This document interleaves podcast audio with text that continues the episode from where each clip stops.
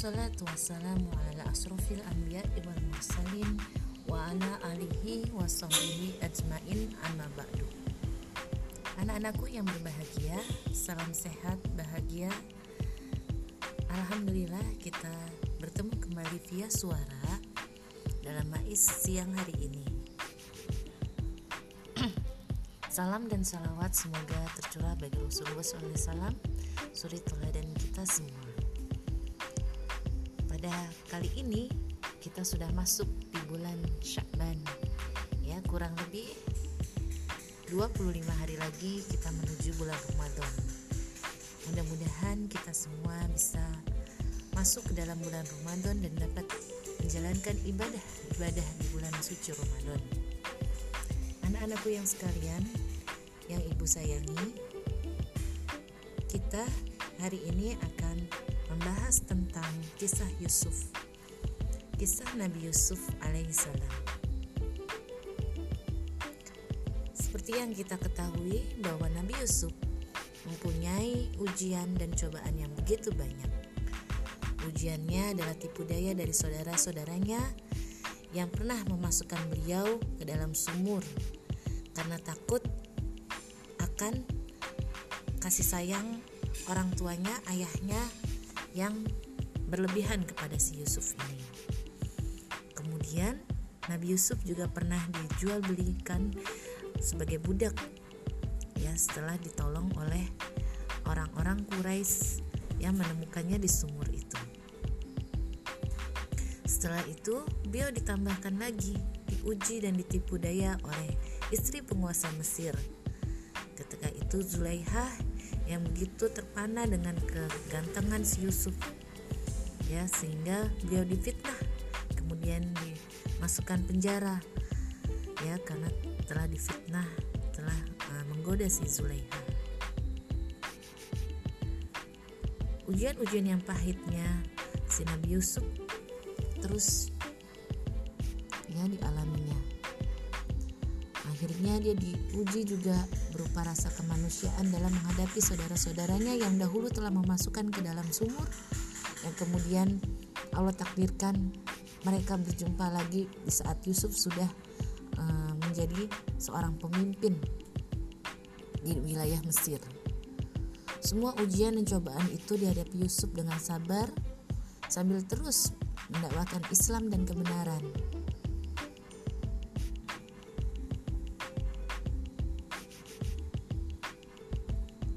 Sesungguhnya kisah Yusuf ini kisah yang sangat baik, kisah yang paling baik. Ahsanul Qasasi karena di dalamnya banyak mengandung pelajaran bagi orang-orang yang mempunyai akal. Bahkan kisah Yusuf ini, Nabi Yusuf ini diabadikan di dalam Al-Qur'an dalam surat Yusuf. Seperti dalam ayat 111. Sesungguhnya pada kisah-kisah mereka itu terdapat pengajaran bagi orang-orang yang mempunyai akal. Al-Quran itu bukanlah cerita yang dibuat-buat, akan tetapi membenarkan kitab-kitab yang sebelumnya dan menjelaskan segala sesuatu dan sebagai petunjuk dan rahmat bagi kaum yang beriman. Secara khusus, surat ini pun menjadi bekalan yang sangat berharga bagi perkembangan dakwah Islam. Sedikitnya ada delapan pelajaran yang dapat kita ambil dari Yusuf. Dari kisah dan Nabi Yusuf ini. Pertama adalah kita perlu mewaspadai kaum pendeki dengan cara merahasiakan sebagian berita yang mungkin dapat mengusik mereka. Ucapan Yakub alaihissalam kepada Yusuf alaihissalam yang dimuat dalam ayat 4 dan 5 menggambarkan. Dalam surat Yusuf dikatakan, Ingatlah Yusuf berkata kepada ayahnya, Wahai ayahku, sesungguhnya aku bermimpi melihat sebelas bintang, matahari dan bulan Kulihat semuanya sujud kepadaku. Ayahnya berkata, Hai anakku, janganlah kau ceritakan mimpimu itu kepada saudara-saudaramu. Maka mereka akan membuat makar untuk membinasakanmu. Sesungguhnya syaitan itu adalah musuh nyata bagi manusia. Seorang ulama Ibnu Kasir radhiyallahu mengatakan bahwa Yakub alaihissalam mengkhawatirkan anaknya Yusuf akan menceritakan mimpinya kepada saudaranya. Padahal mimpi itu dapat menimbulkan kedengkian. Karena takwil mimpi itu menggambarkan ketundukan, penghormatan, pengagungan, dan pemuliaan kepada Nabi Yusuf yang secara berlebihan sehingga mereka tersungkur sambil bersujud. Ayat ini memberikan pelajaran kepada kita untuk berhati-hati ya pada orang yang mendeki, orang yang iri dan hasad hatinya. Apalagi ke orang pendengki ini senantiasa mencari celah untuk menghantam dan melemahkan dakwah Islam.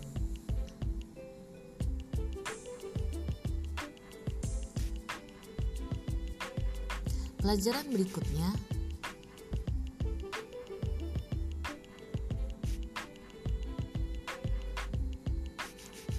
adalah bagaimana ya pentingnya menghadirkan kesabaran dalam menghadapi makar musuh dalam menghadapi strategi musuh perlunya kesabaran. Kita harus memiliki kesiapan mental dalam menghadapi strategi-strategi para pendengki. Kisah Nabi Yusuf alaihissalam mengajarkan bahwa ada kesabaran di atas kesabaran dalam menghadapi ujian dan cobaan.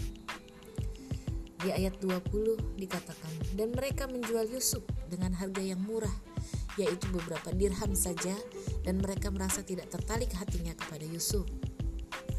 Sesungguhnya kesabaran itu akan mengiring kita kepada kebangkitan. Maka para pendeki akan menjadi kesempatan bagi kita untuk mengkonsolidasi kekuatan, untuk mengumpulkan kekuatan.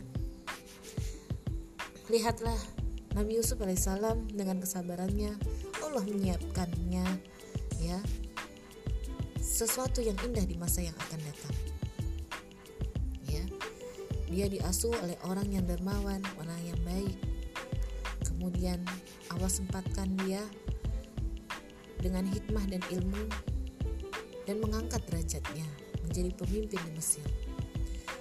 Seorang ulama Syed Kutub mengatakan, inikah Yusuf saudara-saudaranya yang menghadap menghendaki sesuatu terhadapnya, tetapi Allah menghendaki sesuatu yang lain untuknya karena Allah itu berkuasa atas segala urusan. Sedangkan saudara-saudara Yusuf, mereka tidak berkuasa atas utusan mereka sehingga Yusuf dapat lepas dari tangan mereka dan bebas dari apa yang mereka kehendaki.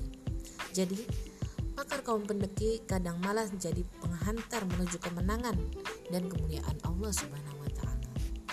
Jadi jangan takut akan strategi makar orang-orang yang pendeki yang jahat, tapi hadapi dengan kesabaran.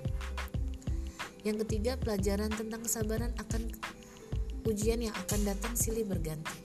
Jadi setelah ada ujian yang satu, jangan kita pikir bahwa ujian itu akan selesai. Tapi ujian akan datang terus silih berganti.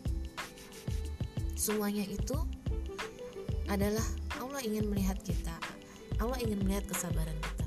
Bagaimana si Yusuf ketika itu digoda oleh wanita? Ya, bagaimana nih? Nah, goda oleh Sulaiha yang dia merupakan istri dari apa ayah angkatnya Yusuf ya jadi di sini berbekal keimanan Nabi Yusuf mampu menghindar dari fitnah ya. Dari berbuat perbuatan tercela dari zina. Ya karena Yusuf percaya bahwa Allah itu ada dan melihat. Sehingga dia dijauhkan dari kemaksiatan. Berujunglah Yusuf di jemari penjara. Ya konsekuensinya harus dihadapi karena dia berpegang pada kebenaran. Ya kokoh kepada kebenaran. Ya ketika dalam keadaan terpojok akan tuduhan keji yang disampaikan oleh Zulaiha ya di mana di sini dia mengatakan ya dia menggodaku untuk menundukkan diriku dan seorang saksi dari keluarga Wanita itu memberikan kesaksian jika baju gamisnya koyak di mukanya. Dan wanita itu benar dan Yusuf termasuk orang-orang yang dusta. Jadi ada saksi ya yang dia uh, adalah uh, orangnya Zulaiha. Tapi saksi palsu ya, saksi dusta. Akan tetapi berita tersebut ya tetap tersebar luas ya sehingga sampailah dia diseret ke penjara. Mereka memenjarakan Nabi Yusuf setelah tersiar berita yang mengesankan seolah-olah Nabi Yusuf itu merayu ya si Zulaiha. Itu jadi uh, fitnah atau berita hoax yang disebarkan pada Nabi Yusuf. Ya. Sehingga kemudian mengantarkan beliau kepada hukuman dalam penjara. Selanjutnya pelajaran tentang dakwah yang tidak kenal henti. Walaupun beliau masih di atas disalahkan ya di penjara disiksa tapi beliau tetap menyampaikan dakwahnya perhatikan bagaimana Yusuf memanfaatkan kesempatan untuk berdakwah Yusuf berkata tidak disampaikan kepada kamu berdua makanan yang akan diberikan kepadamu melainkan aku telah menerangkan jenis makanan itu sebelum makanan itu sampai kepadamu yang demikian itu adalah sebagian dari apa yang diajarkan Tuhanku. Sesungguhnya aku telah meninggalkan agama orang-orang yang tidak beriman kepada Allah, sedang mereka ingkar kepada hari. Dan aku pengikut agama bapak-bapakku yaitu Ibrahim, Ishak, dan Yakub. adalah patut bagi kami mempersatukan segala sesuatu kepada Allah. Dan demikian itulah dari karunia Allah kepada kami dan kepada manusia seluruhnya. Tetapi kebanyakan manusia tidak mensyukurinya. Hai kedua penghuni penjara, manakah yang lebih baik? Tuhan-Tuhan yang bermacam-macam itu ataukah Allah yang Maha Esa, lagi Maha Perkasa? Apakah kamu sembah selain dia? Hanyalah nama-nama kamu dan nenek moyang kamu yang membuatnya. Allah tidak menurunkan suatu keterangan pun tentang nama-nama itu. Keputusan itu hanyalah kepunyaan Allah. Dia telah memerintahkan agar kamu tidak menyembah selain dia. Itulah agama yang lurus, tetapi kebanyakan manusia tidak mengetahuinya.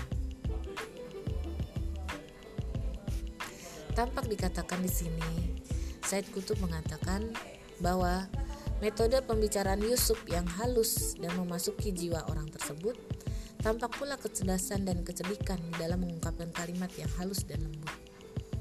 Mula-mula Yusuf alaihissalam menenangkan mereka dengan mengatakan, bahwa dia akan mentaklukkan mimpi karena Tuhannya telah mengajarinya ilmu. Namun dengan kepiawaian Nabi Yusuf mulai menggiring pembicaraan untuk mengenalkan ajaran tauhid yang diyakininya. Setelah seruannya selesai, baru dia menjelaskan tentang mimpi yang diminta oleh kedua temannya tersebut. Kisah Nabi Yusuf ini mengajarkan kepada kita bahwa kondisi apa pun dakwah harus tetap dijalankan, tidak kenal henti. Ayat-ayat di atas mengisyaratkan bahwa kita harus memiliki visi yang jelas dalam kehidupan, memegang prinsip Islam dan memprioritaskan kebenaran. Satu hal lagi diajarkan adalah upaya untuk keluar dari kesempitan yang harus dilakukan. Yusuf melakukan dengan meminta kepada temannya untuk menyampaikan tentang dirinya kepada Raja Mesir bahwa akhirnya kemudian sampailah berita ke Raja Mesir bahwa ada seorang pintar yang bisa menaklukkan mimpi. Yang kelima, pelajaran tentang pentingnya kisah Nabi ini adalah memiliki keunggulan ilmu, di mana kita uh, sebagai muslimin, muslimat, ya, ilmu adalah hal yang utama. Iman juga adalah hal yang utama. Keduanya bagaikan mata uang dan saling melengkapi satu sama lain. Tidak bisa ilmu berjalan tanpa iman, iman berjalan tanpa ilmu. Karenanya kita harus bisa mampu ya eh, menghimpun bibit-bibit unggul, menyiapkan diri untuk memberikan solusi pada permasalahan di masyarakat ya pada diri kita sendiri ya dengan berbekal ilmu pengetahuan. Yang keenam adalah pelajaran tentang perlunya melakukan upaya perbaikan citra diri bagaimana kapasitas kita sebagai seorang muslim ya terus diperbaiki dengan sikap kesabaran kita seperti yang dicontohkan oleh Nabi Yusuf itu dengan kesabaran dan ilmu ya dengan usaha ya dengan kata-kata yang baik yang benar kemudian bisa mengembalikan lagi reputasinya bisa mengembalikan lagi kebenaran itu pada tempatnya yang ketujuh adalah pelajaran penting adalah bahwa kita sebagai seorang muslim berkontribusi dan memikul tanggung jawab. Tanggung jawab tidak hanya sebagai seorang individu muslim, tapi juga tanggung jawab dalam kepemimpinan. Ya. Di Nabi Yusuf ini ya diberikan amanah untuk memimpin wilayah Mesir untuk saat sekarang. Ya, berkata Yusuf dalam surat Yusuf, "Jadikanlah aku bendahara negara Mesir. Sesungguhnya aku adalah orang yang pandai menjaga lagi berpengetahuan." Said Kutub menjelaskan bahwa Yusuf hanya meminta jabatan yang diyakininya dapat mengatasi krisis di masa depan. Jabatan yang diyakininya akan melindungi orang-orang dari kematian, melindungi negara dari kehancuran dan kelaparan. Jadi di sini beliau meminta jabatan karena beliau sudah mampu ya mampu dan dia bertujuan untuk menyelamatkan rakyat ya dari kehancuran dan kelaparan jadi ini diperbolehkan untuk mengajukan jadi memperkuat ya sebelumnya pada poin-poin berikutnya bahwa keunggulan ilmu ya berkontribusi serta memikul tanggung jawab itu adalah yang diharapkan bagi seorang muslim anak-anakku sekalian mari kita sama-sama ya terus menggali eh, hikmah-hikmah yang terkandung dalam sirah nabi-nabi kita dan terus mencari bukti-bukti kerasulan mereka ya baik itu melalui Al-Quran dari hadis dari sirah serta meyakini mukjizat yang Allah berikan kepada mereka kepada Nabiullah. Mereka tetap tidak mau percaya ya uh, yang para pendaki itu ya biarkan saja. Sampai sekarang pun para pendaki itu masih ada. Jadi anak-anakku sekalian iman kita akan terus bertambah seiring dengan apa namanya uh, pengetahuan juga keyakinan akan keimanan itu sendiri. Jadi jangan segan-segan semuanya untuk terus uh, mencari ilmu ya untuk semakin mendekatkan diri kepada Allah Subhanahu wa taala. Baik mungkin sedikit banyaknya uh, cukup dari ibu yang ibu sampaikan. Mudah-mudahan bermanfaat. Tujuh poin penting dalam kisah Nabi Yusuf. Mudah-mudahan kita dapat mengambil ibrohnya bersama-sama dan meneladaninya dengan sekuat tenaga ya Oke, bila taufik walidayah. Wassalamualaikum warahmatullahi wabarakatuh.